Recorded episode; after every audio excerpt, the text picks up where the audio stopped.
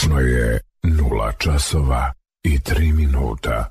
Vreme je za radio, televizija Vojvodine. Prvi program radija.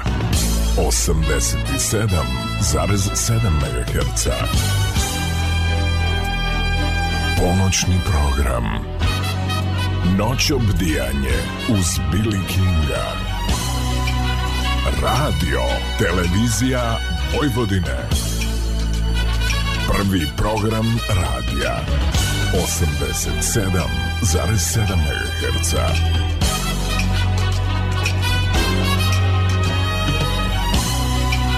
Noć obdijanje uz Billy Kinga. Dobrodošli.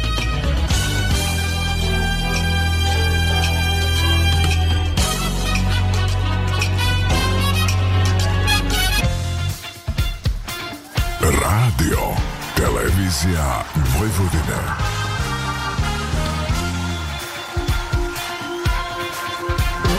Radio Novi Sad, prvi program.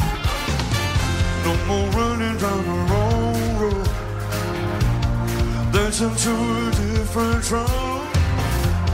Can't you see what's going on? Deep inside your Noć obdijanje uz Billy Kinga. Always searching for the real thing. Living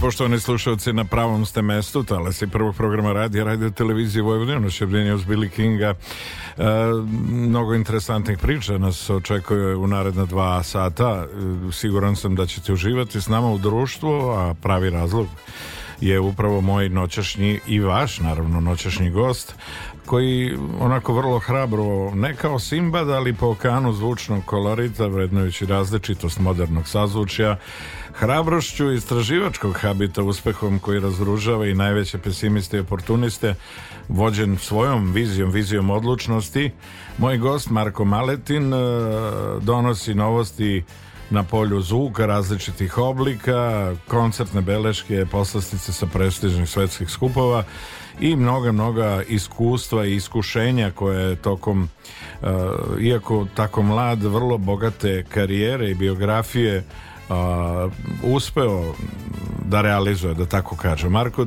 dobro ti noć i hvala ti na izdvojenom vremenu, bez obzira što uh, tvoja kreativa nalaže da u pola noći ako se nešto desi, neki klik u glavi ti ustaješ i što bi rekli prisežeš izradi ili realizaciji istog. Pa da, naravno, žena je jako srećna zbog toga. Pa, do, pa dobro, moraš, moraš, ovaj, moraš da se žrtvuješ nekad i za nju i da shvatiš da to ne ide i nije u skladu sa nekim navikama i planom i, i da kažemo agendom svega onog kakav koncept žene imaju noće za ovaj, sve te aktivnosti za spavanje a ovaj, kreativa i, i ta, te novosti na polju nauke e, istraživanju zvuka, produkcije mogu da sačekaju do jutra, one to tako misle One to tako misle, definitivno, da, ali šta, šta sad ja da kažem? Hvala Bili uh, za poziv u emisiju. Veliko mi je zadovoljstvo biti ovdje s tobom. Meni je, mi smo se, uh, sećaš se, dogovarali uvek nekako u hodu ti kad ugrabim par dana tu da sam i kad dođem sa, sa puta i znaš stalno pozivi ovde stalno uvijek kažem ajde majku mu da upriličimo ovaj, taj susret, to druženje i ovako ovaj, medijski zabeležimo.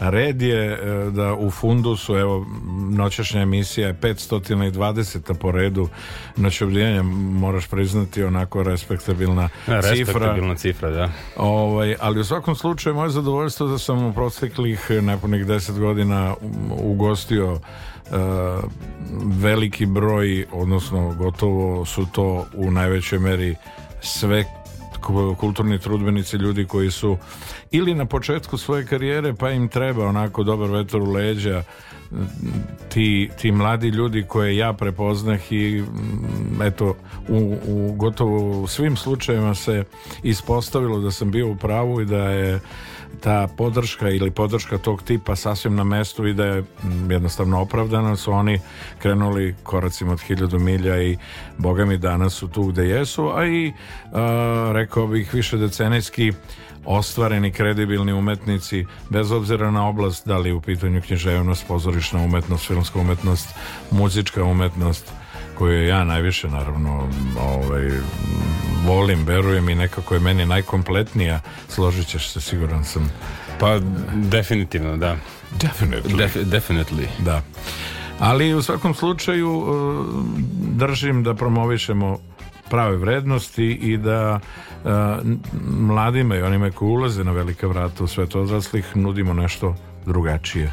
Pre svega normalna komunikacija. Mi smo ovde u studiju u jednoj neformalnoj da kažemo bez obzira na, na, na direktan program i na a, našu priču ipak je to neka ono opuštena varijanta kao negde u dnevnoj sobi ono pričamo o životu pričamo o biografiji usput slušamo dobru muziku ovaj, eto Michael McDonald's i tako neka ekipa pre ti rekao da bi otišao sad bilo gde u Evropi da, da, da ono je na koncertnoj turneji da ga čujem i njega i fenomenalnu ekipu a bit će prilike nadam se jer ju, juče mu je bio uh, 72. rođendan Da, da, Michael McDonald su jedan od, od onih bisera, što vezano Motowna, što, da kažemo, radova vezani za Dubi Brothers od 75. godine, kada je on postao neodvojni deo ili nerazdvojni deo uh, uh, Dubi Brothersa i tako doprineo svetskoj muzičkoj sceni. Pre svega interesuje mene lično i one koji te ne poznaju otkud interesovanje uh, za svet produkcije i uopšte uh, taj istraživački duh je probudio neko unutar kuće, neko ko ti je u rodbini i naravno ljubav prema muzici. Kako se to desilo? Otkud taj klik i ko je u pozitivnom smislu krivac što si se ti obrao u svemu tome? Pa, malo je teško, malo je teško sad reći to ali ja bih rekao da svako ima svoj put zacrtan od početka nekako ja I, sam i onda ga slediš. I onda ga slediš da. Nekad je jako to teško definisati ali ja bih rekao da ja od kad sam bio baš jako mali uh, imao sam velike afinitete prema muzici jako sam volio muziku a imao sam veliku sreću da sad sreću jel da moji roditelji su držali kafić i onda je bilo jako puno muzike oko mene. Tamo stvarno slušala dobra muzika i onda sam ja kao mlad bio izložen baš dobroj muzici i imao sam priliku to sve da čujem, čak se sećam nekih stvari kada sam prvi put čuo neke, neke pesme. Naprimer, sećam se kad sam čuo Seal sa prvog albuma Stvar Killer. To je, a sa sam... Damskim, sa Damskim, to je njegova pesma, pa je e. on pevao u studiju. Da, i, i to je baš bilo nešto, čak ima, neka, ima neku sliku na kojoj sam ja Uh, stalno sam tražio tu pesmu da mi puštaju. To je čudno kad se dete seća nečega, onog imao sam 4 godine ili 5 godine ili tako nešto, ali, ali sećam se, jednostavno taj zvuk ostane urezan. Tako da, za mene je to bilo i onda kako sam ja rastao, tako se razvijala i ta, ta ljubav prema muzici, interesovanje i na kraju vremenom je to interesovanje preraslo u, u jel da, u neku, neku realnost i neki prvo, jel da, hobi, pa kasnije ono što se kaže počelo da pravi pare neke. tako da tako da ovaj pošto je da to je realnost svih nas, ali ali na prvo mesto je to interesovanje. Ne bi se ni u jednom trenutku ja bavio time. Mislim ajde da budemo realni ako bi ušao u taj biznis zbog para, onda bi možda to bio i pogrešan biznis da se ulazi zbog zbog novca, tako da, tako da osnova je tu ljubav, ali opet na kraju nekako nekako čovjek pokuša i da napravi ne, nešto od toga, napravi neki biznis, nekako i, i taj novac ide, sledi u stvari i te neke uspehe, tako da sve, to, sve se to nekako namešta. Ako se, bar ja tako mislim, ako se čovjek iskreno bavi nečim i ako, ako to istinski voli, onda se i dovoljno vremena uloži u to, onda i to drugi ljudi prepoznaju, pa samim tim to preraste u neki uspeh na svim frontovima. Svo vreme je usredsređeno u stvari na želju da se snovi i neki nekakav koncept o kome se sni realizuje ili da dođu do finala ono na čemu radiš pre svega da bi čovjek napravio koncept on mora da razmišlja u tom pravcu da kaže sebi aha vidiš ovo bi moglo ovako ovo bi može e to je, to je taj teoretski deo da. ne, nečeg e da. onda preći u praktično i stati iza svega toga iza čega ono ti nekako očekuješ da ovaj, ćeš uspeti da odrealizuješ i da rešiš e, svoja neka očekivanja, odnosno znaš da ti to jedna u nizu karika koje čine taj lanac uspešnim i snažnim na putu realizacije svega onog što si planirao. Da. Pa def, definitivno je to nešto ja mogu da kažem da ja kao dete sam pokazao uh, baš kad sam bio mali, ono i to, to su mi jel da i roditelji pričali, ja sam bio jako mirno dete i stalno znao sam da provodim vreme sam sa, jel da sam sa sobom, bavio sam se nečim, nešto sam stalno kreirao, nešto sam stalno slagao i onda taj fokus je, takav sam i danas praktično isti kakav, kakav sam bio kad sam bio kao klinac. I onda taj, taj fokus koji sam ja imao je ostao i, i prosto tako se uvek, čime god da se bavim, bavim se tako sa punim fokusom, potpuno sam usresređen na dobijanje nekog rezultata. Volim da detaljišem jako, tako da nekad znam biti jako težak, zato što e, idem u neke detalje koje neke druge ljude apsolutno ne interesuju, ali mene to prosto ispunjava tako jedno, jedno kompletno bavljenje nečim, tako da, tako da mislim da je to osnovni bar u mom ko- slučaju ko- osnova nekog uspeha, jel da, Da. ako možemo to tako nazvati. To je osnovni postulat koji tebe vodi i kojim se ti rukovodiš na, na tom putu, da kažemo, i sazrevanja i e, svakodnevnog učenja nečeg novog, drugačijeg saznanja da na tom istraživačkom polju dođeš do, do najadekvatnijeg rešenja, odnosno do željenog rešenja koji, kojem, kojem stremiš jednostavno. Da.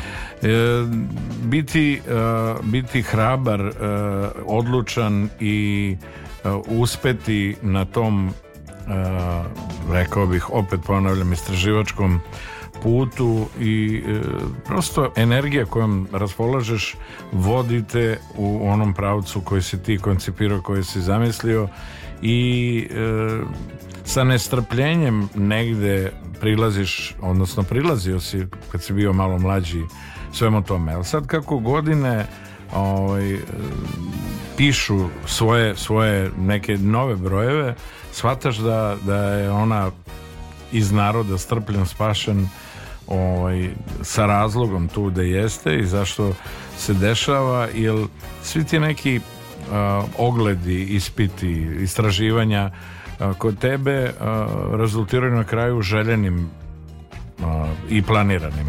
Ali je tvoja neka tvoja neka da kažemo sfera krajnje moderna, krajnje modern pristup svemu onome u, u korak sa svetskim trendovima, tendencijama, tendencijama istražuješ, tražiš, pronalaziš, komuniciraš sa, sa ljudima koji se vode istom tom a, sferom, odnosno a, da kažemo tehnološkim progresom i a, bara bar si u principu sa, sa najvećim brojem njih i e, vi nekako bezrezervno podržavate jedne druge o, o, radeći na, na svemu tome na čemu radite jer ta, ta komunikacija e, je dostupna, a ujedno i poželjna da a, kroz razmenu saznanja napravite nekakav e, progres, nekakav iskorak na tome na čemu ti radiš.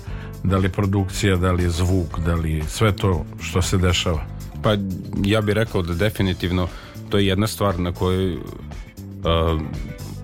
na kojoj sam ja morao da radim, a to je, to je da shvatim da ne, ne mogu sam sve napraviti, nego upravo to kroz um, saradnju i komunikaciju sa drugim ljudima definitivno mogu da se naprave mnogo veći rezultati nego kad je čovjek zatvoren.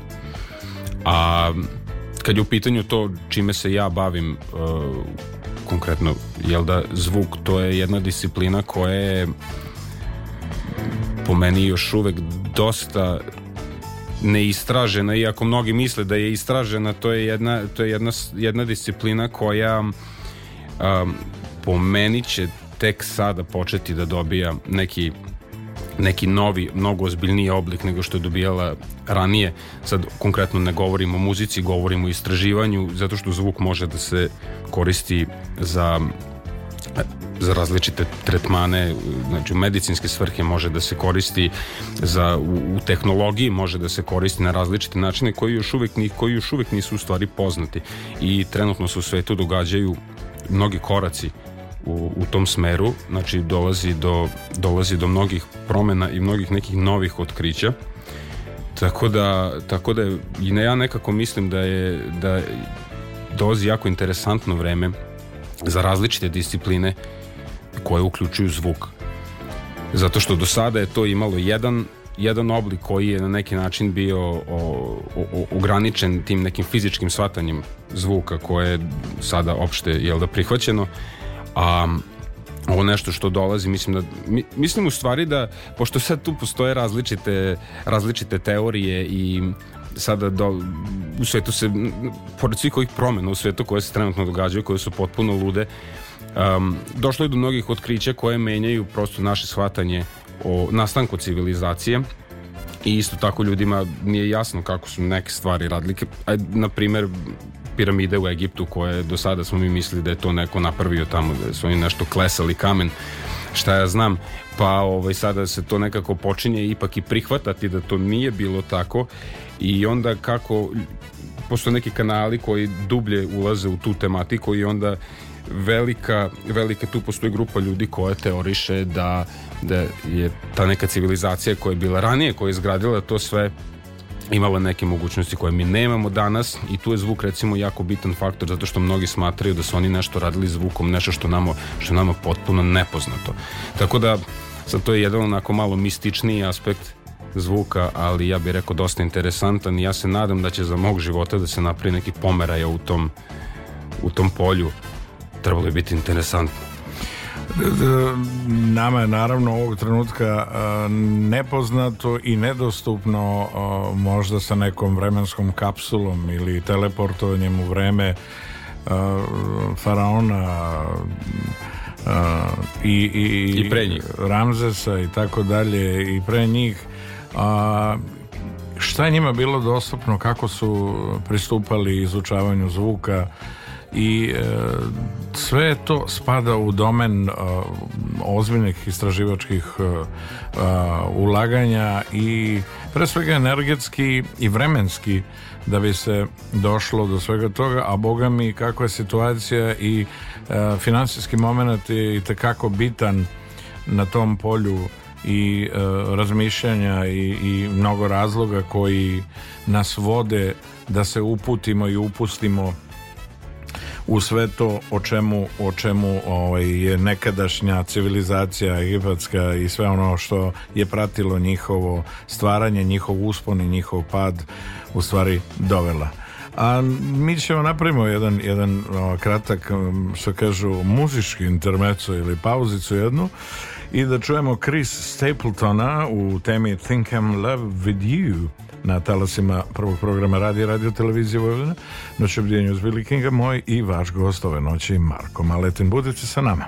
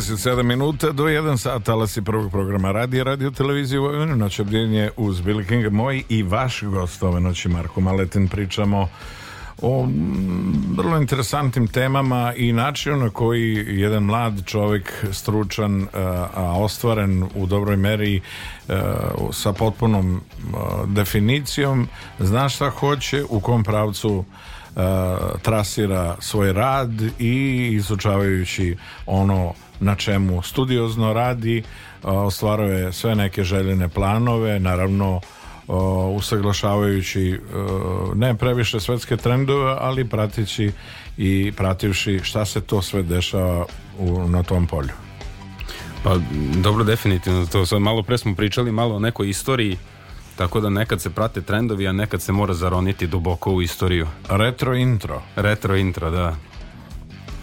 Koliko, koliko uh, pretpostavljam da se ti uh, pravio paralele između uh, vremena u kom mi sad ono živimo, znači vremenu čiji smo savremenici naravno aktualnom i onom što se nekad dešavalo i koliko je to negde na, na temelju saznanja i svega onog što je dostupno savremenom čoveku pruža uvid u ono realizovano i koliko daje perspektivu u nastojanju svega onog da se donese nešto novo ili, ili projektuje ili što bi rekli inkorporira sa onim starim postojećim nešto novo. Pa ja bih rekao da uvek postoji prostora da se, da se radi na nečemu novom, to sad što kažu, ono nebo je granica, jel da, ako čovek, ako čovek koristi svoju maštu, onda je definitivno sposoban da ode daleko, ali, dobro, kada, pošto smo pričali sad o zvuku, ako konkretno o tome pričamo, to je nešto što, kada pričamo o zvuku i onda posle toga pričamo o muzici, to su dve stvari koje su praktično nerazdvojne i to je deo kulture naše civilizacije bio od uvek čak i mnogo pre nego što mi mislimo da jeste. Sad on je, do, on je dobio neki oblik danas koji je o, jako, da kažemo, specifičan i jeste da ja nisam toliko mator, ali pa ne, ne, ne bi sada da pljujem modernu muziku, ali ja bih rekao da, da muzika i, i, i zvuk, način na koji se koristi danas definitivno utiče na psihu ljudi na jedan loš način i o, pogotovo u porednju s onim kako se muzika koristila nekada. Muzika je bila sastavni deo a, pod, da kažemo društvenih i religijskih obreda. I koristila se za različite stvari. Spominjali smo i terapije i, i šta ja znam. Tako da ovaj, dan, danas ovo što se događa možete zamisliti kada slušate jednu od ovih modernih pesama. Je u modernu produkciju koja ima neke potpuno neprirodne frekvencije možete to da uporedite sa nekim religijskim obredom sa nekim jako lošim čiji rezultat toga možda nije baš o, nije baš e, boljitak civilizacije da tako kažemo. Da, e, jednostavno spremnost i e, što bi rekli karakteristika na temelju koje je je svakom od nas manje više dostupno neko, neko pitanje, da su neka problematika s kojom smo suočeni, je pre svega bazirana na, na, ne mogu reći kapacitetu pojedinca, individualca, ali u svakom slučaju kao što si rekao, svi mi od, od starta imamo neki put kojim smo mi ili neko u naše ime ovaj, postavili svoje ciljeve ili trasirali ono na čemu treba raditi, kako treba raditi, bez obzira što u startu nismo svesni da, ozbiljnosti koncepta i svega onog na čemu se radi e, i vremenom kako uh, radimo na, na problematici s kojom smo suočeni sazrevamo i uzdižemo se da, da svojom zrelošću i saznanjima napravimo ono što smo zamislili kako smo zamislili. Taj put jeste težak taj put jeste onako e, e, što kažu posud trnjem i kamenjem ali što kažu preko trnja do zvezda što kaže stara latinska ili tako? A dobro nikom nije lako na, naravno pogotovo neko kao mlad čovek kad krene na neki put i neku karijeru ili nešto slično to svako ima svoj neki put i svako ima neke svoje tegobe koje mora da prebrodi. Stvarno svako od nas ima neke svoje probleme, njemu su njegovi problemi najveći. Kad je u pitanju mlad čovek koji danas treba da stupi na neki put ka, u nekoj karijeri, konkretno sada u zvuku, to nosi određene, određene tegobe koje opet svako mora da reši na svoj način, naravno zavisnosti u čime će se baviti konkretno ali to je definitivno nešto što nikome nije, nikome nije lako. Svako, svako mora da nađe neki svoj put i da, i da sledi svoje neke, svoje neke ciljeve. Jako je teško nekome dati savet kako da uh, u, u kom pravcu da ide ili nešto može čoveka posavetovati za neke konkretne situacije, ali ali svako mora rešavati svoju, svoju priču nekako na svoj način. Jer jedini je to u stvari pravi put na kraju, ono, bi, na svoj način nešto uraditi i biti na kraju krajeva iskren prema sebi i, i, i, i gurati svoju priču, jel? Da, i, i jednostavno, što kažu, hladne glave raditi na tome i, i shvatiti kako je sasvim logično i moguće da čovjek pogreši ako radi na nečemu. O, dobro, ali, to je ali, normalno, ali da. radiš na tome. Znaš, nisi stavio to ad acta ili po strani kako god, pa kažeš dobro, to će možda samo od sebe da se reš, reši. Pa dobro, ali to su neke, to su neke stvari ipak to što kažeš hladne glave, to su ipak neke stvari koje dolaze sa iskustvom. Jako je teško nekome od 19 godina reći kao budi hladne glave, doći će to i ne znam to prosto mlad čovek je nestrpljiv čovek i nema mudrosti koje ima stariji čovek sad ne tvrdim ja da sam nešto ja naročito mudar ali ali definitivno sam mudriji nego što sam bio pre 10 godina. I definitivno sam hladnije glave i definitivno pristupam problemima mnogo zrelije, opuštenije i na neki način pustim ih sami da se reše, ali to često ljudi kad kažu pustite kao samo će se rešiti, to ne znači da treba stati raditi i, kao sesti pustiti seriju ili nešto, nego samo treba nastaviti, to ne treba se nervirati oko nekih stvari, treba verovati u neki krajnji cilj koji, koji je zacrtan i na kraju krajeva to se onda i ostvari. Da, energija koja je nekako ovaj, upućena ka rešavanju toga i stigne na adresu i, i ostvare se pa to imaju razli, različita objašnjenja za to zavisnosti ko ko gleda koji YouTube kanal neki to zovu kosmičke sile neko to, neko to gleda kroz neku religiju ili boga ali definitivno je kada je kada je um usresređen na na neku tačku definitivno će stići tamo samo je da pitanje kako će se izboriti sa svim što je na tom putu. Ako se izbori, stići će, tako da...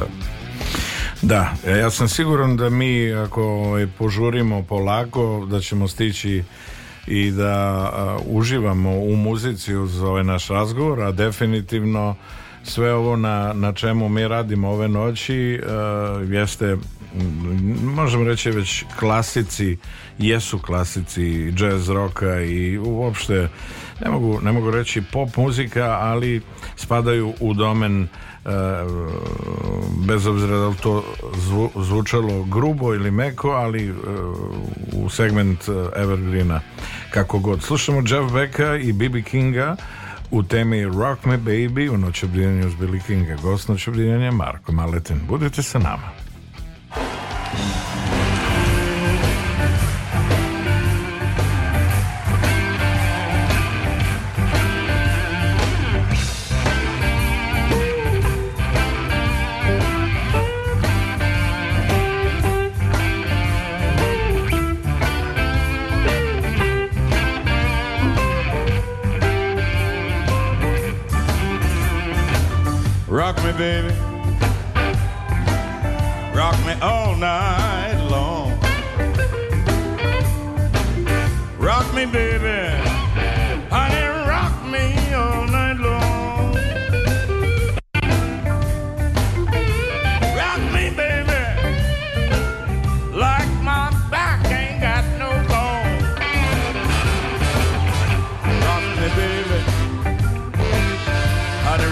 slow.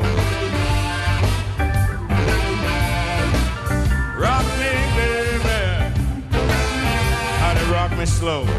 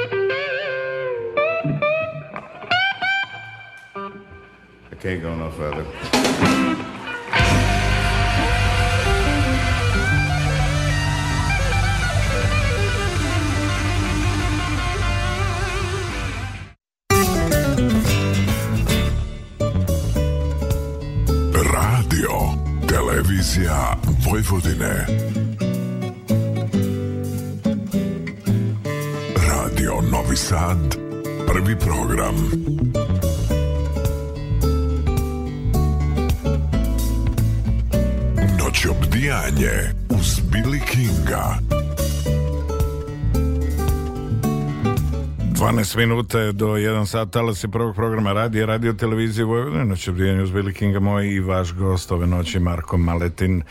Marko, koliko se nađe vremena za autorstvo, za rad na, na, na tvoje muzici, na, na pesmama, na saradnji sa nekim dragim ljudima s kojima ono pored eto svirki se malo i džemuje i malo se zapisuje o nekim što bi rekli portable eh, studijskim prostorima onako eto kad naleti neka ideja i tako Pa ja bih rekao da u, u mom slučaju sada trenutno jako malo i poslednjih pa jedno 4-5 godina baš jako malo. Ja sam prestao i da sviram ono e, nije da sam prestao da sviram, nego prosto sam skoncentrisan na neke druge na neke druge stvari. Ono kad god sviram, u stvari ja kažem ljudima ja ne sviram, ja garamim. E, pošto pravim pojačala i, i pedale i onda ja uglavnom sviram kada treba da testiram nešto i onda uglavnom to bude jako glasno. Meni to jako zabavno, interesantno. Ukućanima i ne toliko, ali Eto, to tako ide kod mene. A kad je u pitanju autorska muzika, to je nešto, to je nešto zašto ja definitivno sada čak nemam, čak nemam ni u planu, zato što sam definitivno prebukiran sa nekim drugim stvarima, ali ono u čemu učestvujem učestvujem sa nekim prijateljima koji su na, na sceni i onda učestvujem u nekim njihovim um, da kažemo projektima savetujem znači vezano nešto za produkciju i slično. Jedino sada čime se čime se sada najviše bavim socijalnim mrežama i to je produkcija tih nekih uh, videoklipova koji su da kažemo nekog poluedukativnog karaktera. Kažem poluedukativnog, to je onako, ne bi to nazvao edukacijom da vređem o, škole i fakultete, ali, ali definitivno neka edukacija vezana za, vezana za zvuk, e, opremu, gitarsku opremu i slično, pa eto tu eventualno nešto se odsvira, nešto se snimi, se malo pozabavim produkcijom oko toga, to je uglavnom to čime se sada bavim. Tako da pre toga sam bio malo prebukiran nekim, nekim drugim poslom, nekom drugom karijerom, pa nije, nije bilo vremena za ovo. Kakva je situacija u razgovorima ono koje su sve prisutne i prosto svakodnevica o, sa kolegama o, koliko oni imaju prostora da, da, da pored svih svojih obaveza i da kažemo o, u, u toj žurbi i, i a, prosto strategiji modernog života a, nađu vremena i prostora da se e, posvete i tom autorskom ili jure da, da van tog segmenta e, se bave nečim drugim što bi im pomoglo da e, privređuju i da reše neke svoje probleme i neke svoje priče. Pa ja bih rekao, nažalost, odgovor na to pitanje nije nešto naročito pozitivan, jer možda svi bi hteli da čuju nešto lepo o o muzici kako se tu nešto sada jako lepo događa. Ja ne bih rekao da se događa nešto jako divno trenutno kada je u pitanju autorska scena koja jel da nije ova mainstream scena koja je ovde. Ne samo ovde nego i u svetu. Ljudi misle da je to samo kod nas. Sve druge države i svi imaju to što isto to što i mi imamo i prosto taj neki um, te neke jeftine emocije, da ih nazovemo, su sada trenutno popularne i mainstream svuda i one su za neke izvođače, autore koji se bave tako nečim mogu da predstavljaju neki ozbiljan put za neku karijeru i neke prihode dok, dok bilo kakvo neko da kažemo alternativnije bavljanje muzikom nije baš najsrećnije rešenje. I mislim da je to jedan jako veliki razlog zašto se mnogi ljudi ne bave time. Um, interesantno je da ima dosta mladih ljudi um, koji se bave muzikom. Ima dosta klinaca koji sviraju i to je super i dosta roditelja insistira da, da, da im deca da, da, se, da se bave muzikom. I imamo i, i zajedničkog poznanika ovde u Novom Sadu um, Čaba Kiš on isto radi, ima taj teen band koji je jako uspešan i uh, ja sam bio sa tim klincima nekad malo nešto se stiro bio na probama to je, to je sjajno to je prosto nešto kao kad sam kao ja kad sam bio klinac pa sam ono trenirao pa sam bio deo neke zajednice prosto bila je ekipa na sportu. Da, ta sinergija koja ih ono i želja o, i ljubav u koju, u koju posvećuju na probama i na koncertu. Da, da, ali interesantno je to kad ono čovjek dođe na koncert tako nekog benda, mislim teen benda, to je ono, to, to su neka deca, ti instrumenti su veći od njih, oni praše, to je neverovatno, ono. Tako da, tako da to, to je nešto što možda uliva neku nadu, um, je da se jel da mladi da se, da se bave muzikom, ali kad je u pitanju autorska scena, postoje neki izvođači, postoje neki akti koji se koji sada žive i koji rade na nečemu, ali svima je dosta teško. Svako koga ja poznajem stvarno su ljudi koji se, koji se jako, jako se bore i svaka čast njima, svaka čast svima koji su, koji su na toj nekoj alternativnoj sceni koji se bave koji se bave muzikom pokušavaju da isteraju neki svoj e, neku svoju poruku zato što to sada više nije nekada, je, nekada je to bilo čovek ode pa se bavi samo muzikom. Sada čovjek mora da se bavi ne samo muzikom, nego mora da se bavi sa celim brandingom, marketingom, mora biti sam sebi advokat, prosto zbog toga zato što nema para da sada plati drugi ljudi da se bave tim drugim aspektima koji su oduvek bili deo uh, muzičkog sveta, sada ljudi to moraju da rade sa, sami se, moraju sami sebe da reklamiraju, moraju sami sebe da zaštite, moraju sami sebi da rade bukvalno i produkciju, moraju sami sebi da rade, zato ono ja kad sam naveo ako radim s nekim prijateljima, znači prosto tu asistiram u, u nekoj produkciji, postoje tu neki producenti koji se bave tim, ali to, je, to nije to na nivou na kojem je bilo nekada.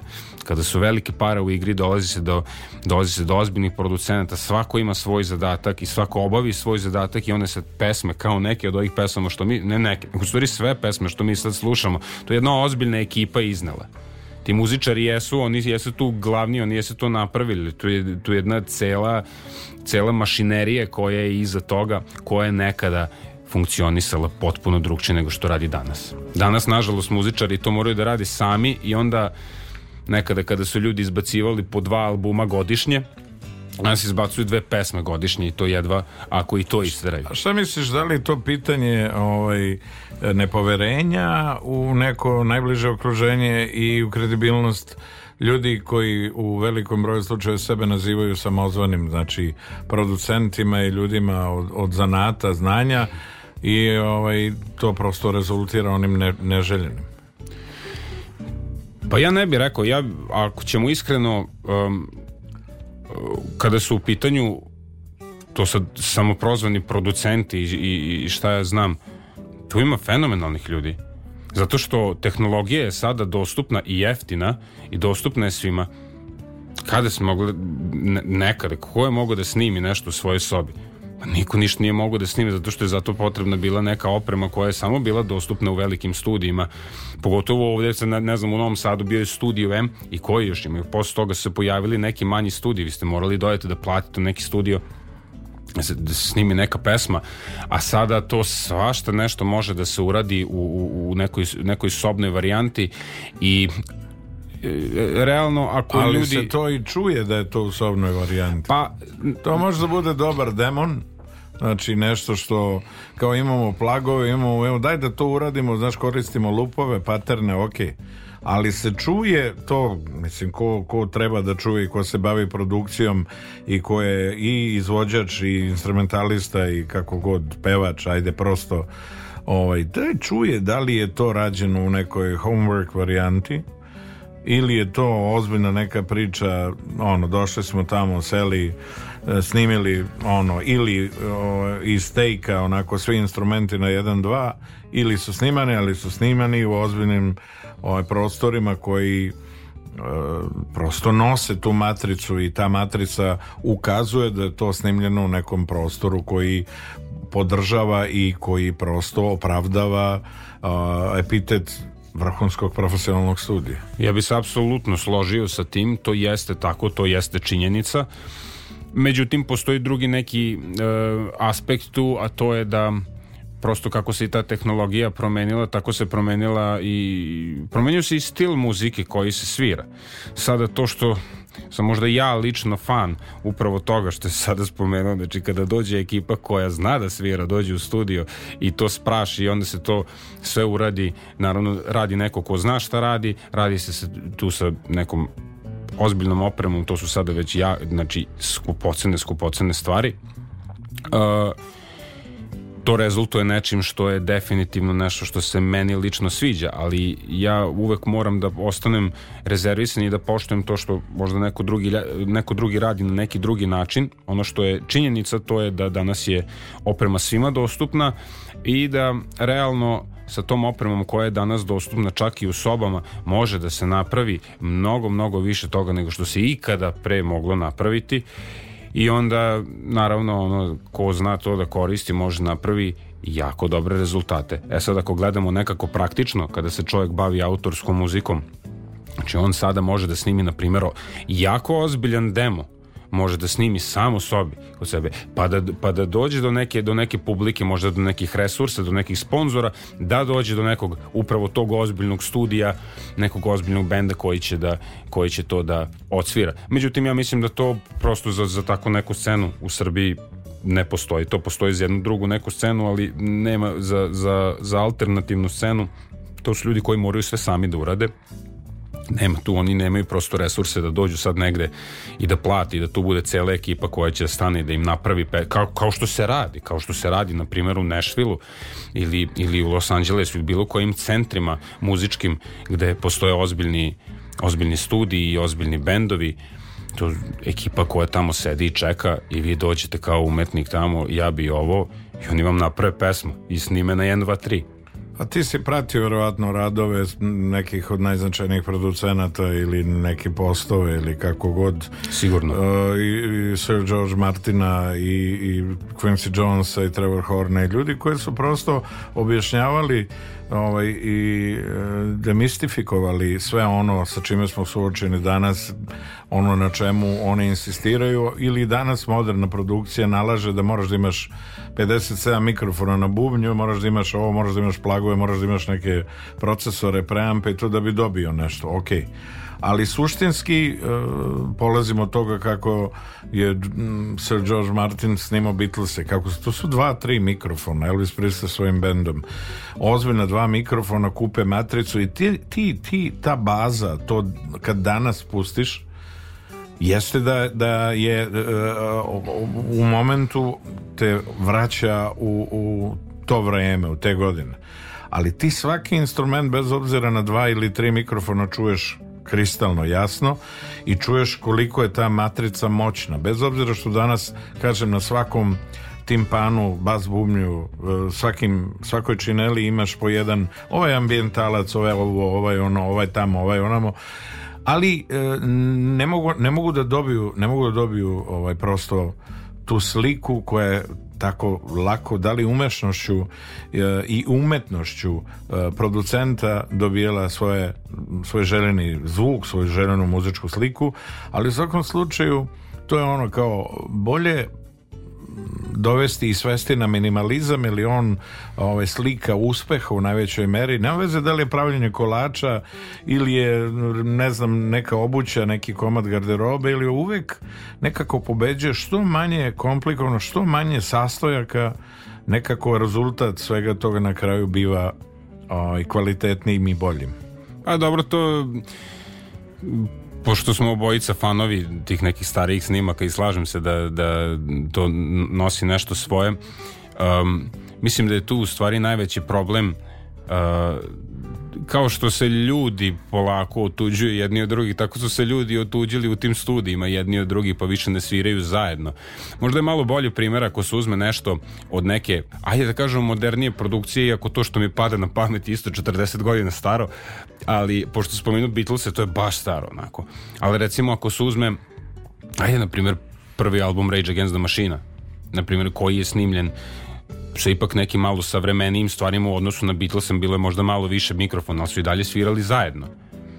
I onda se oseti prosto ta energija kada ljudi sede i sviraju zajedno i kada uzme da se praši. Znači to, to, je, to je ta neka možemo je nazvati nekom četvrtom dimenzijom ili, ili, ili kako god, to je prosto nešto što se javi kada ljudi sarađuju zajedno, kada su ljudi na, ne navežbani, nego prevežbani, kada su ono pro, prosto sabijaju to što rade i onda se to ode i onda taj producent on u principu on ako njih navede sad pro, pro, producent, oni producenti oni često kažu da su oni kao kao neki ono psiholozi i psihijatri i učiteljice i dadilje i sve, ali oni ako uspeju da odrade taj njihov psihološki moment sa bendom i ako ih izvuku na pravi put da oni naprave ono što su došli da naprave onda ta postavka mikrofona i slično tu stvari je najmanji problem kada band to radi kako treba. E onda smo došli do vremena kada više band to ne radi kako treba, e onda morate staviti više mikrofona i morate da šta ja znam sad ima tu sto stvari da, da kompresujete, da peglate pa onda to prešlo i u kvantizaciju i u pegle, peglanje vokala i onda to možemo reći to izrodilo neki novi stil, ali ne mogu ja baš da sad kažem da se taj stil meni nešto naročito sviđa. Ali je definitivno um, velika je redkost danas, uh, velika su redkost danas muzičari koji mogu da sviraju na nivou na kom su svirali ljudi. Eto tako, pa i, ajde, 60-ih to je bio neki početak, ali evo da kažemo 80-ih.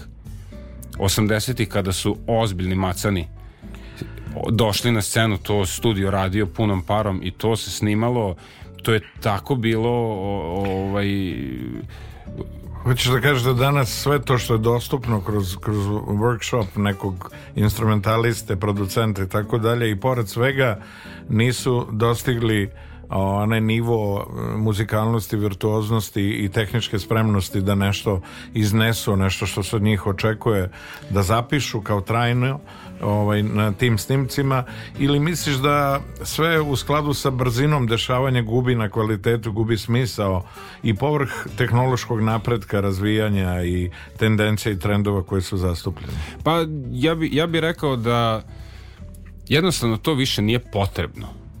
Znači nekada je postojala jedna industrija i toj industriji su bili potrebni jako dobri muzičari i da i te pesme su se praktično pravile kao na traci. Sve to što mi slušamo, to je, to je bila ekipa u studiju koja je snimala, ko, koja je bila toliko navežbana i prevežbana da oni su prosto to se snimalo iz jednog, dva tejka, sve što, a problem je što su, što prvo oni su tada imali dovoljno posla da su oni mogli da žive od toga. Problem je danas, evo ja prvi, ja sada mogu, ja sedim kući snimam nešto, mogu ja nešto snimiti.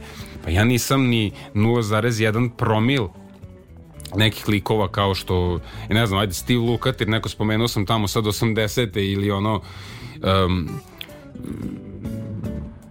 godine koje pa, su pro, prosto pokušavam sada da, da, da, se, da, da kažem neke muzičare pa mi u jednom trenutku ne pada niko na pamet i, i, i u isto vreme pada mi 200 ljudi na pamet. To su, to su ljudi koji su toliko bili dobri u tome što u tome čime su se bavili ali oni su po ceo dan svirali. To je Šta najveća misliš- razlika. Ali šta sad misliš, da li je to industrija ili je tendencijozno rađeno da se u određenom trenutku izbaci da u istom trenutku se pojavi, eto, uz Luketera se pojavi i neki novi gitar heroji koji su počeli 80. godina da sviraju i da, da su tu, ono, prosto i Satriani, malo kasnije i Steve Vai i, i svi gitaristi koji nekako Nuno Betancourt kasnije koji evo i danas kao važi za novog, odnosno starog gitarskog heroja koji je e, sa, sa eto, singlom Rise doneo e, opet drugačiji format i doneo neke inovacije na polju uh,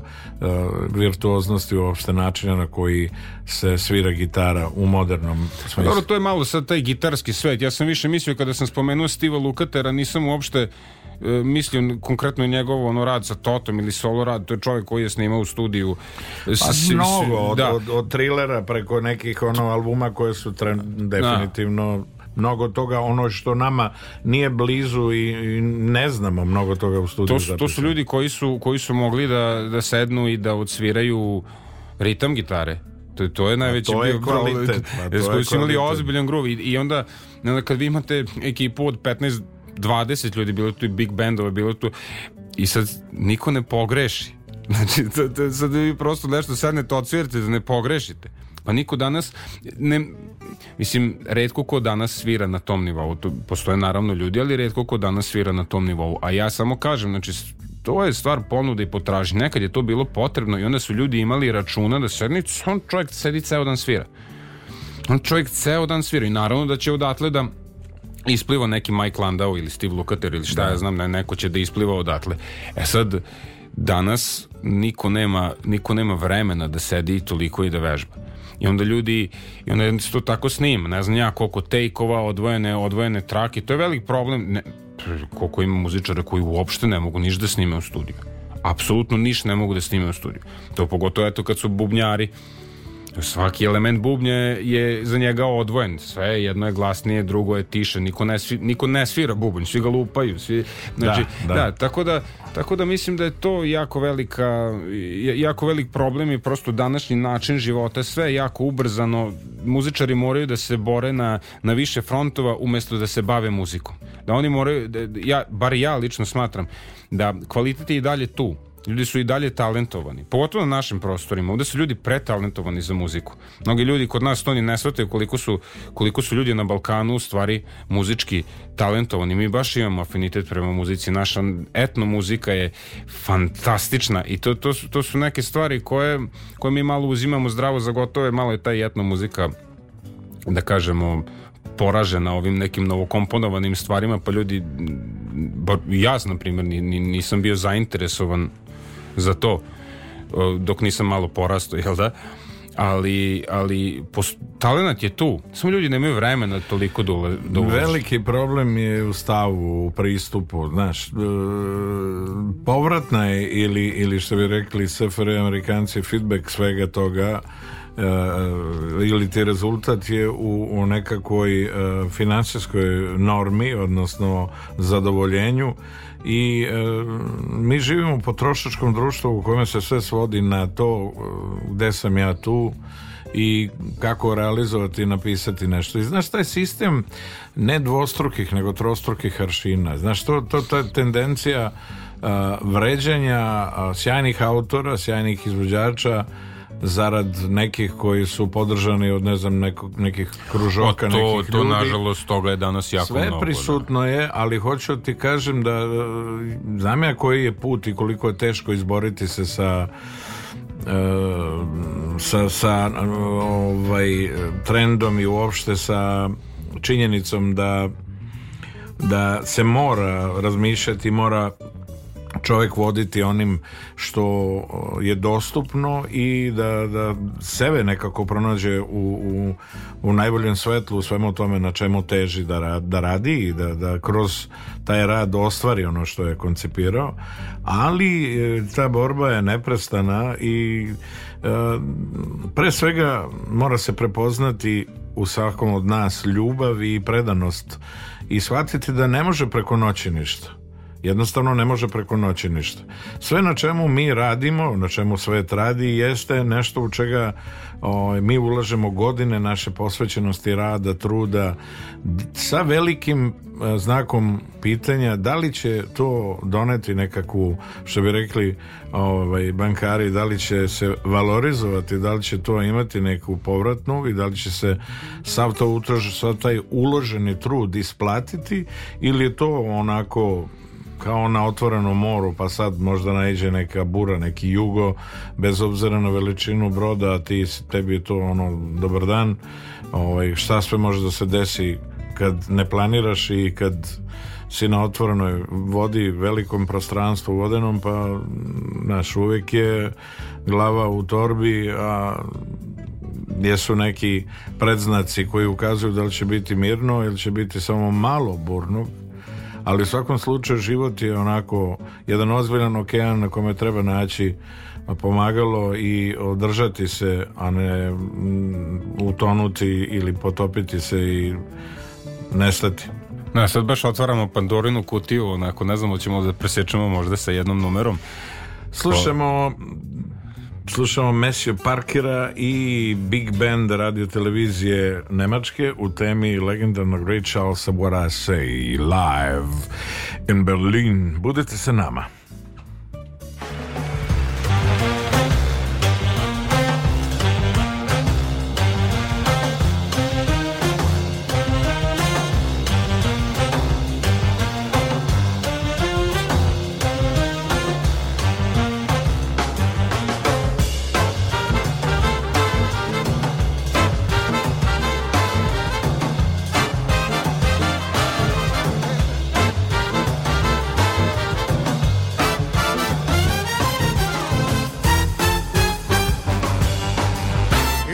mama, don't you treat me wrong. I'm in love all night long.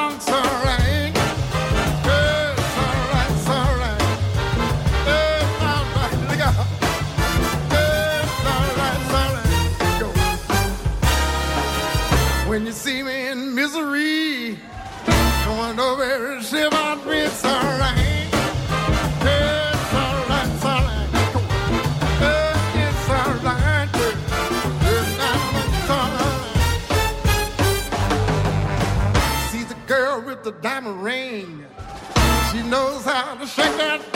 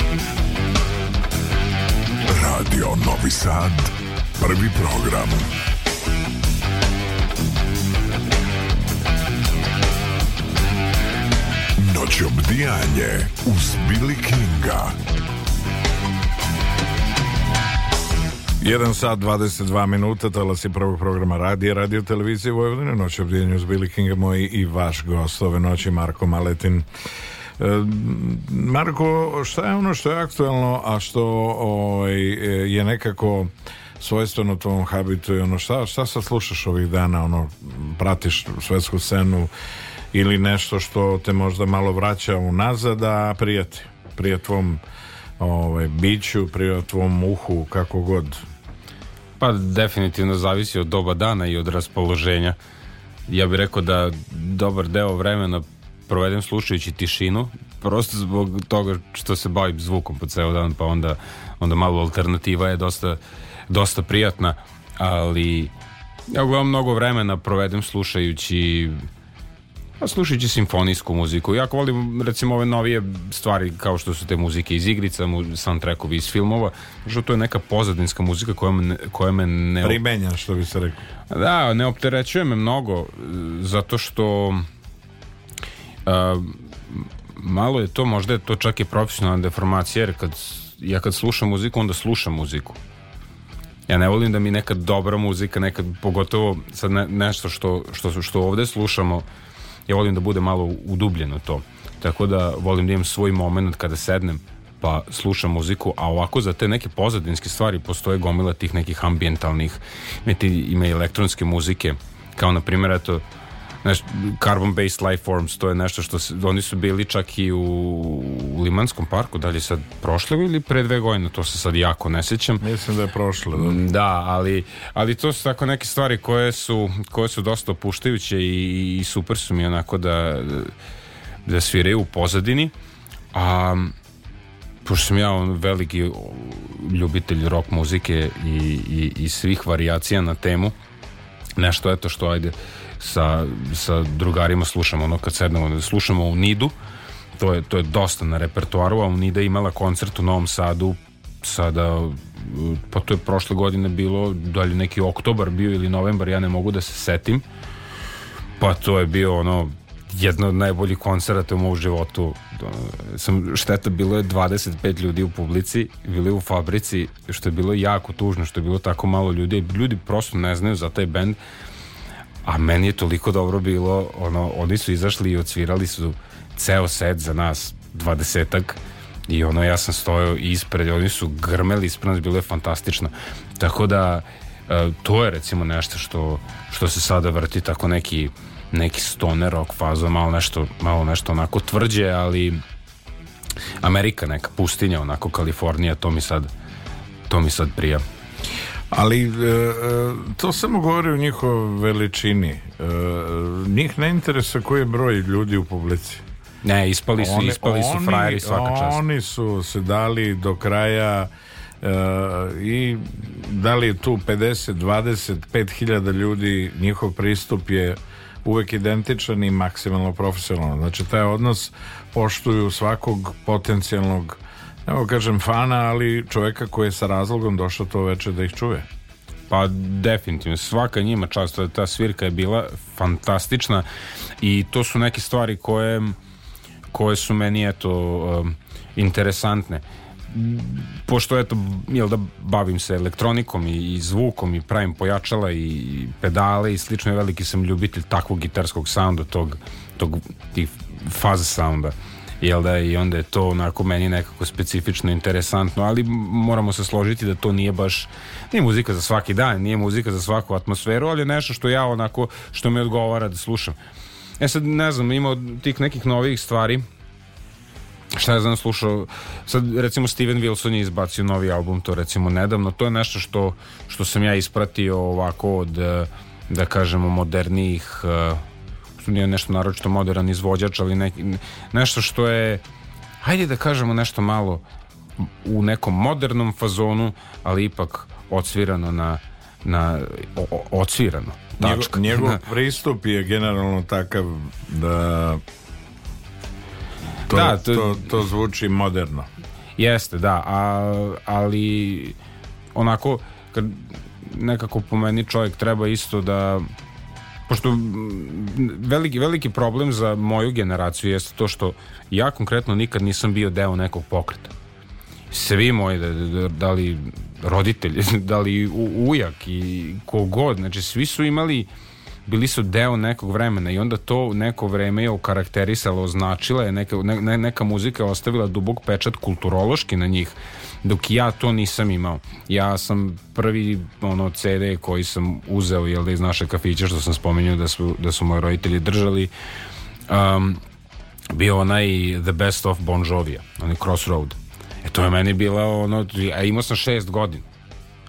E onda posle toga sam ja vrlo rano počeo slušam ono Queen's Reichgren, ono progressive metal, šta znam, pa su naravno svi ovi 80. rock bendovi, šta znam, pa te kasnije sam ušao naravno u, u sve, bukvalno sve druge žanrove. Tako da, tako da problem je tu najveći što uh, moju mladost nije okarakterisala, kulturološki nije okarakterisala nikakva muzika. Jer ja sam čak suviše mlad i da, da, i da je onaj nu metal, da je neki Linkin Park i, i tad sam bio mlad, da, da je okarakterisalo. Znači neko vreme koje po meni treba, e, gde, gde muzika ostavlja veliki pečat na ljude, možda taj neki tinejdžerski period, jel da, možda neki period srednje škole kada su tu ljudi se razvijaju, dosta su onako emotivno um, i nezreli i podložni tim uticajima i onda muzika ima tu dosta prostora da ostavi veli, veliki uti, utisak na ljude. I ja sam to proveo znači ni u tom periodu prošlo, prosto se ništa nije događalo. Apsolutno ništa. Ja sam slušao Black Sabbath to je za mene bilo otkrovenje tog trena da. pa mislim da tako, tako da ja sam non slušao muziku koja je mnogo mnogo starija od mene tako da E, ali našao se neku konekciju, ajde da ne idem ono daleko, ali karmečku sa, sa tim uh, prosto periodom, dobom naše civilizacije i uopšte muzičke produkcije i stvaralaštvo nekako što kažu starmali. Ja takav tih godina a opet nekako uplovih u svet muzike koja je svojstvena 70-im 60 U meni bilo fenomenalno Meni je bilo fenomenalno zašto, zato što čovjek ima sve dostupno. Pa ljudi ranije nisu imali dostupno, ja sam imao internet, ja sam to ono već nalazio, šta je to u, tom trenutku bilo, mogu snaći muziku gde god hoćeš. Su već CD-ovi izašli iz mode, znači sve ima. Neko nekada to mora da kupi ploču, da kupi kasetu, pa nema, pa ima komšija, pa ne znam šta, pa sad ćemo otići pa ćemo poslušati kod njega. Ja sam imao sve dostupno. Nešto imaš sve dostupno, nego imaš sad ti ono 70 godina snimljene muzike brutalno, prosto čovjek ne zna šta da sluša. Tako da, zato je nekako taj ukus dosta, to je jedan širok dijapazon koji, koji um, jako je teško jako je teško odrediti generički šta tu kao šta slušaš kao šta slušaš. Pa slušam čoveč sve. Sve što je dobro a prosto sve to nekako što volu mladi. Sve što volu mladi da nekako se tu uh, prepozna to što je uh, pa prosto rezonuje nekako sa mnom određena da. neka muzika. Sad spomenuo sam tog Stevena Wilsona, to je recimo nešto od neče, ne, nešto novije, što ajde da kažemo možda ima neki da e, to možda spoji tog nečega novog i elektronike, ali da ima tu ipak i neke svirke, ima i tih nekih starijih elemenata koji, koji nama onako odgovaraju pa to je nekako onako neki, neki pravac u koji kažeš ajde, ajde ovo je sad nešto nešto moderno što liči na nešto pa kao rezonuje sa mnom pa to je sad super. Ali to se jako redko događa. Zato što danas ima jako mnogo dobrih bendova ali jako mnogo tih bendova sviraju muziku koja je već davno odsvirana. Odsviraju na fantastičan način malo drugčije daju svoj neki pečat tome ali je to i dalje nešto što je bilo pre. E sad, to što se... Aran, koriste pattern uspešnosti. Pa jeste, to, to je činjenica. Mislim, svi, svi su uvek koristili pattern uspešnosti, samo što nekada, ne, nekada, su, nekada je prosto ne, nešto je bilo nečuveno i onda ljudi su probili tako što su napravili neku dobru novu kombinaciju pa su probili tu neku novu priču i onda, i onda je to i opet odre, ljudi su odreagovali na to kao nešto novo. Danas je jako teško da naprave nešto novo pogotovo u, u, u ovom domenu muzike koji mi sad, koji mi večera slušamo i u kojem mi primarno razgovaramo. E sad to što se ovi ostali oblici e, muzike izražaja sve da me ne shvatiš pogrešno ja, ja jako volim da slušam elektronsku muziku volim jako da slušam deep house volim da slušam neke oblike elektronske muzike ali primetio sam da dosta toga dosta toga u tom svetu prosto ne odgovara A o, jednostavno nekako mislim da smo počeli da, i da osetimo kada je nešto kada je nešto jako mainstream, nekako na silu mainstream, a pogotovo ovo danas što se proizvodi, to kogod, se, kogod uopšte sluša tu muziku koja se sluša danas, primetit ću da to sve te jedno te isto. Ja evo i kao muzičar i, i, i kao neko ko se bavi zvukom, ja kad slušam te pesme, apsolutno ništa ne ostane zapamćeno to su neki repetativni tonovi, jako prosti tonovi, jako proste harmonije. Ne, mislim, nema veze što su proste harmonije, to je sjajno ako se, ako se napravi kako treba, nego prosto onako nešto na nivou da već posle minut ozbiljno nervira kada ga slušam, tako da nikako ja nisam uspeo na to da se nakačem. Da se nakačemo na pismo koje svi tako dugo čekamo o, jedna od legendarnih tema koja je napisana davno 69. A, a sad ćemo čuti upravo jednu od najboljih koncertnih izvođenja teme The Letter uh, i Joe Cockera u noćobdijenju s Billy King. Gost noćobdijenja Marko Maletin. Budite sa nama.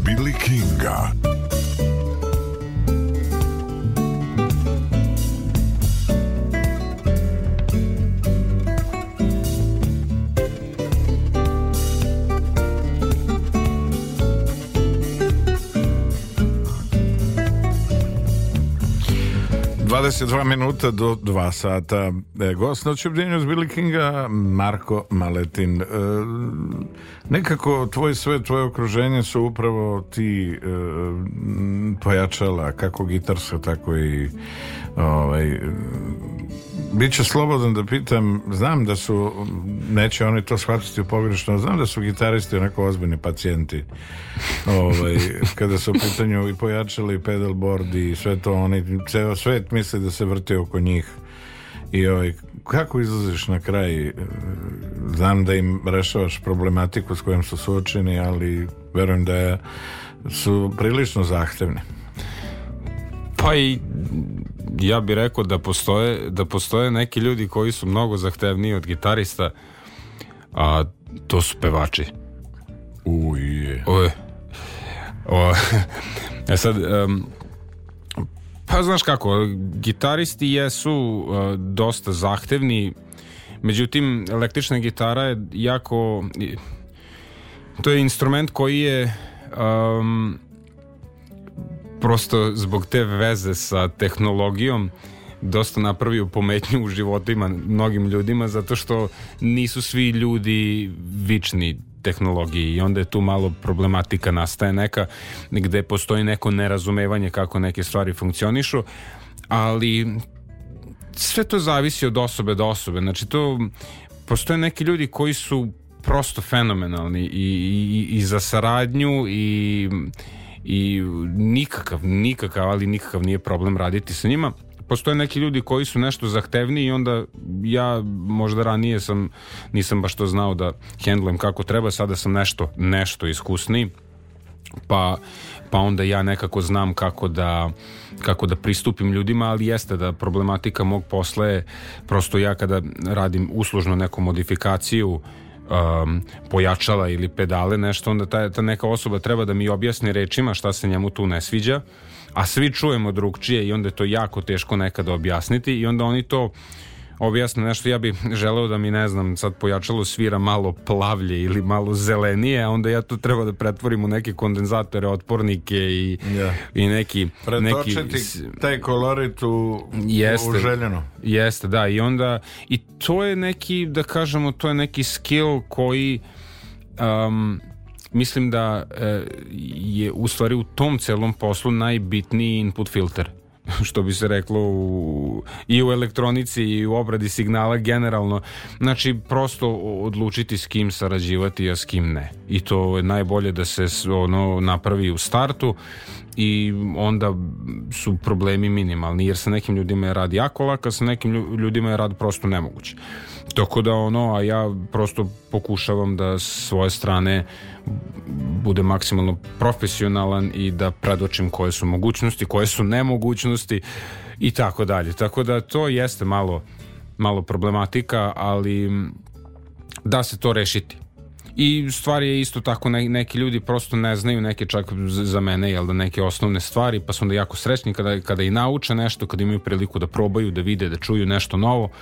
Tako da, suština je da je to jedna jako um, subjektivna, ali jedna ja, jako um, osetljiva stvar za gitariste i, i, i to je, ja, jako je jako je lična stvar.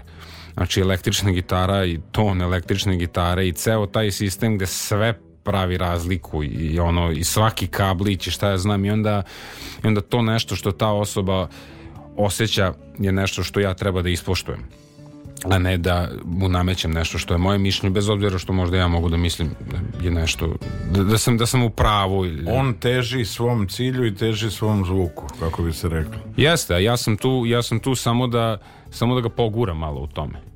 E sad neko prosto neko nikad neće doći do, do, do tog svog cilja, a to je njegova stvar. Najveći tu nekako problem, ja uvek kažem ljudima ono... Uh, nekad ljudi su nezadovoljni svojim tonom, a ja ih onda pitam, dobro, jesi zadovoljan sobom generalno? Misliš da je to problem percepcije ili nekog šireg aspekta ovaj, načina u stvari na koji on pristupa i kako gleda na potencijalni, odnosno mogući uh, mo, mogući neki zvuk ili eho u njegovom budućem radu? Pa sve u principu problem percepcije, to je sad da ne ulazimo u, problema, u problematiku sveta danas, ali ljudi se razlikuju po tome kako percipiraju bilo da su to vesti ili, ili, ili zvuk gitare. Da li hoće da dođu do njega ili ih odbija a priori ono?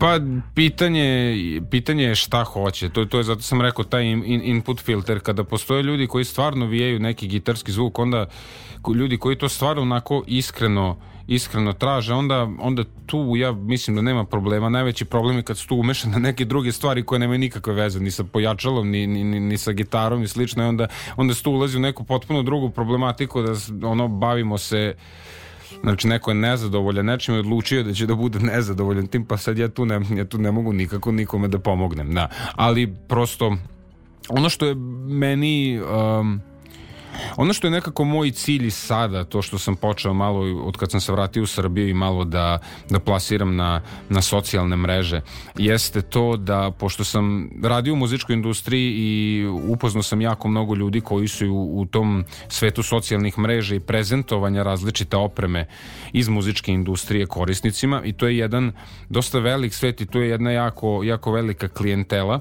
A, tu postoji dosta neke dosta neke mistike i u stvari ta cela industrija počiva na, na toj zbunen, zbunjenošću, na tom zbunjenošću um, klijenata i onda je njihov u stvari cilj da zavadi pa vladaj. Zavadi pa vladaj, da. To su, to su prosto napravili su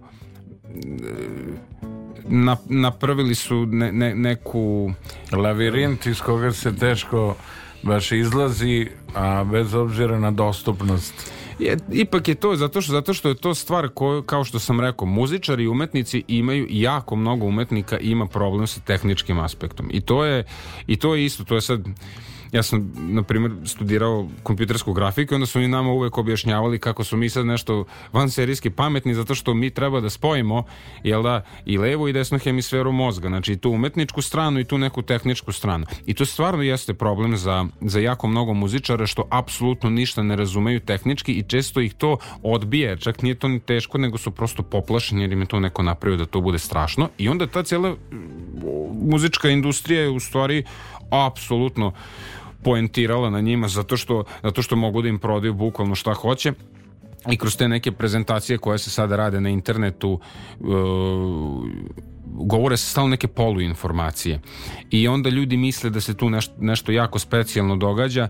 E sad naravno nekad se nešto događa specijalno ali u jako mnogo slučajeva se ne događa ništa specijalno i ništa to nije toliko strašno i ništa to ne mora aj sad nekad mora da se plati nije, nije sad sporno plaćanje ali ne, to je nekako da nije preskup pa neke stvari definitivno jesu preskupe, neke stvari, neki produkti prosto ne mogu biti jeftiniji, čak su mnogi produkti dovedeni na neku... Na, na, neku... rub, na rub ono neprirodno jeftinog, jel? Da, da, da, da, da prosto, da prosto nešto, da prosto ne postoji nikakva opcija da neko, da neki mali biznis na bilo koji način može, može da e, predstavi bilo kakvu konkurenciju, pogotovo sada sa proizvodima iz Kine, koji naravno kad neko kaže e, to je sad kinesko, to ne valja, a ono, jel da njemačko, on, ono valja. Da, da, da. Te stvari se isto takođe se menjaju, tako da, tako da tu, uh, tu je više nek, neko pitanje da nazovemo nekom demistifikacijom određenih nekih elemenata i prosto uh, pomaganjem ljudi u tom aspektu da možda s nekim izuzetno jeftinim i minimalnim nekim potezima mogu da doprinesu mnogo više nego da ubacuju neke nenormalne količine novca i kupuju neke stvari i da konstantno se vrte u tom nekom lupu i budu konstantno nezadovoljni. Tako da tako da to je više neki proces proces objašnjavanja i približavanja tih nekih stvari ljudima. Ono što izvini Ništa, ništa, prosto. Da, on, ono što sam ja primetio je da postoji, postoji dosta ljudi koji su postali, po- počeli da primećuju istu stvar kao i ja.